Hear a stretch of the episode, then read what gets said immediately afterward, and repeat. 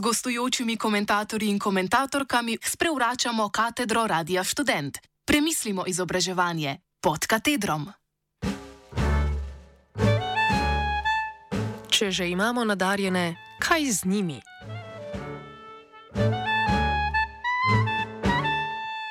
V Sloveniji je podeljevanje statusa nadarjenega učenca zelo pogosta praksa, ki naj bi pomagala gojiti otrokove sposobnosti. Nadarjeni otroci bodo naš svet vendarle držali po konci, to bodo bodoči znanstveniki, zdravniki in inženirji. V resnici je koncept nadarjenih učencev zelo abstrakten in slabo definiran. Kaj pomeni biti nadarjen v razredu, polnem otrok z različnimi sposobnostmi in zanimanji, in kaj loči nadarjenega od nenadarjenega, ni popolnoma jasno. Testi, ki merijo nadarjenost, niso legitimni, a se v slovenskem prostoru še vedno uporabljajo. Nasplošno je vprašljivo, ali ima to vrstna delitev otrok dejanske pozitivne učinke in ali pripomore k boljšemu razvoju otrok.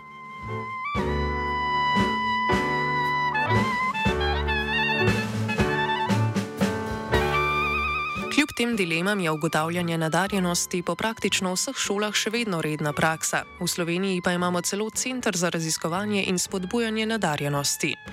Po podatkih iz leta 2017 naj bi okoli 17 odstotkov otrok in mladostnikov bilo nadarjenih, v osnovni šoli kar četrtina, kar ni zanemrljiva številka, zato se bomo v današnjem komentarju odmaknili od problematičnosti koncepta nadarjenega otroka in se posvetili sistemu dela z nadarjenimi ter njegovi učinkovitosti in organizacije organizāciju.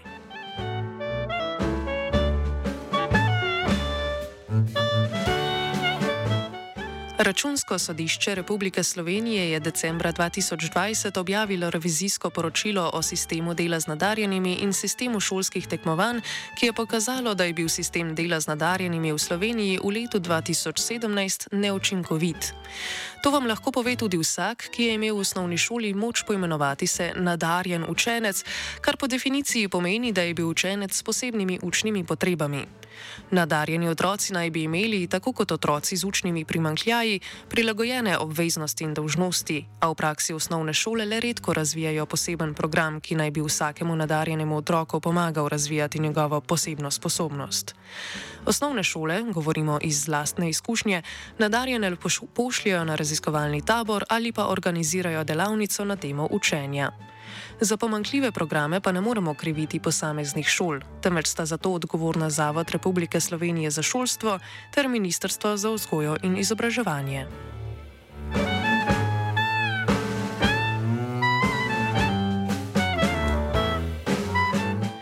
20 let stare smernice za odkrivanje in delo z nadarjenimi učenci definirajo za nadarjene ne le tiste, ki izkazujejo najboljše rezultate na preverjanjih znanja, temveč tudi otroke z izrazitimi sposobnostmi za vodenje, karkoli že to pomeni, tehnologijo, glasbo, ples, likovno umetnost in podobno. Kot je zapisano v smernicah, je zaželeno, da se iskanje nadarjenih začne že v prvi triadi, skozi opazovanje otrok pri pouku ter v odnosih s šolci in učitelji. V drugi triadi se lahko izvede še različne individualne in skupinske teste sposobnosti, ustvarjalnosti in inteligence, ki jih potem ovrednoti šolski psiholog. Omenjeni testi so zastareli in ne, neučinkoviti, a v šolskem prostoru ohranjajo svojo moč, saj ne bi bili, za razliko od ocene učitelja, objektivni. Končno odločitev o tem, komu se dodeli status nadarjenega, sicer sprejmete razredni učiteljski zbor ter šolska svetovalna služba, o poteku dodelitve statusa in o testih nadarjenosti pa so obveščeni tudi starši. In kaj se zgodi potem?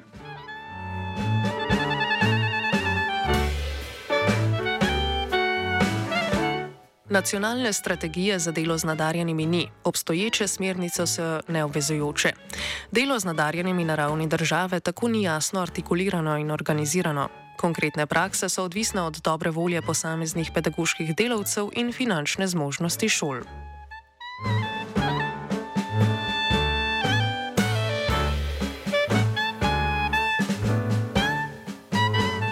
Po zakonu o financiranju vzgoje in izobraževanja v nadaljevanju zakon, država vsakemu oddelku osnovne šole zagotavlja financiranje pol ure drugih oblik individualne in skupinske pomoči tedensko. Te polovične ure so namenjene delu z nadarjenimi učenci in učenci z učnimi težavami. Šole prosto izbirajo, komu bodo namenile dodatne ure, večinoma pa so organizirane za tiste, ki potrebujejo dodatno učno pomoč. Dodatni pouk, tabore, individualno delo in delavnice namenjene nadarjenim otrokom lahko šole financirajo tudi iz drugih virov, naprimer občinskih sredstev ali prispevkov staršev. Zato v praksi prihaja do ogromnih razlik med programi za nadarjene v šolah. Bolj preskrbljene šole si lahko privoščijo veliko dejavnosti, če se le najdejo učitelji, ki bi jih vodili. Medtem druge šole, po našem mnenju upravičeno, dodatne ure namenjajo otrokom z učnimi težavami, z nadarjenimi otroki pa se ne ukvarjajo kaj dosti. Ker gre za skupini z različnimi potrebami, se ne zdi najbolj efektivno, da se programe financira skupaj in da je odločitev šole, koliko ur bodo namenili tistim s presežki in tistim s primankljaji.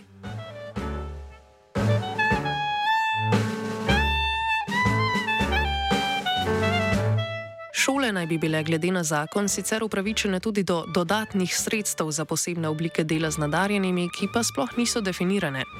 V praksi tega denarja ne dobi skoraj nihče. 15 šol, ki so leta 2017 organizirale posebne nadstandardne oblike dela z nadarjenimi, je najmanj sredstev za izvedbo prejelo od države. Šole si morajo financiranje zagotoviti iz lastnih dejavnosti, občinskih in evropskih sredstev ali s prispevki staršev.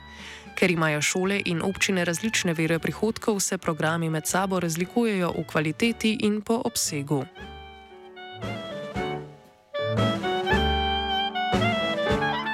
Enako je tudi pri organizaciji tekmovanj, saj je pri financiranju izvedbe teh nejasno, koliko prispeva država in koliko je šola odgovorna sama pokriti.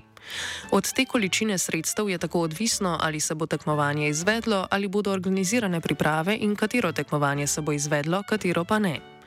Posledica tega je, da nimajo vsi enakih možnosti tekmovati in doseči višjih mest, ki so ključna za prijavo na razpis za določene štipendije. Tako tudi sistem, katerega namen je spodbujanje učenja, ne deluje pravično.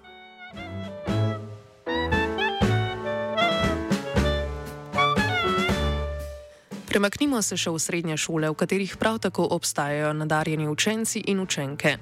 Koncept vzgojno-izobraževalnega dela z nadarjenimi dijaki je star 16 let. Pravilniki določajo, da se pedagoškemu delavcu letno prizna in financira 9 ur individualnega dela na nadarjenega dijaka.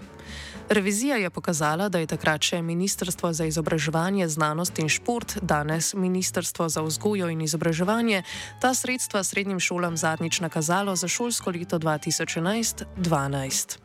Večina financiranja za dejavnosti, namenjene nadarjenim dijakom, naj bi leta 2017 prišla iz začasnih evropskih projektov, za katere so morale srednje šole pokazati poseben interes in se prijaviti na razpise.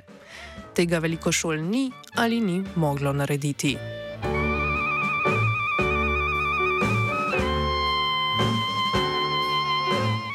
Poleg pomankanja denarja za primerne programe za nadarjene učence in dijake je velik problem tudi izobraževanje primernega kadra.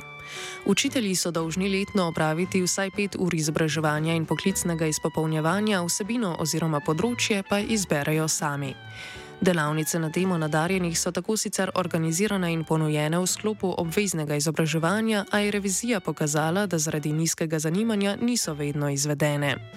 V šolskem letu 2016-2017 se je dveh realiziranih delavnic udeležilo zgolj 52 pedagoških delavcev.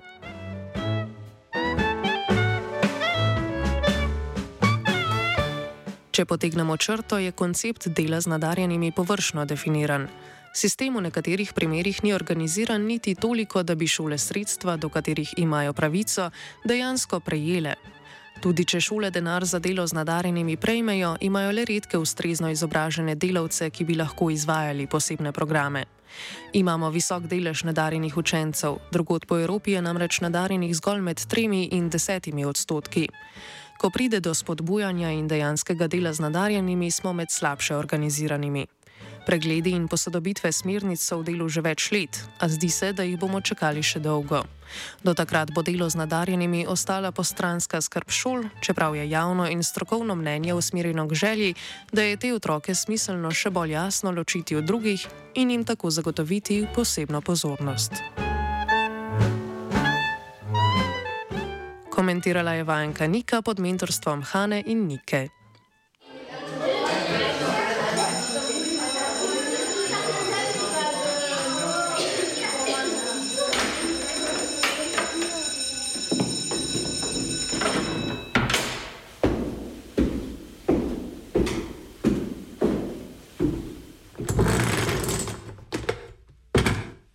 Gostujočimi komentatorji in komentatorkami sprevračamo katedro Radia Student. Premislimo izobraževanje pod katedrom.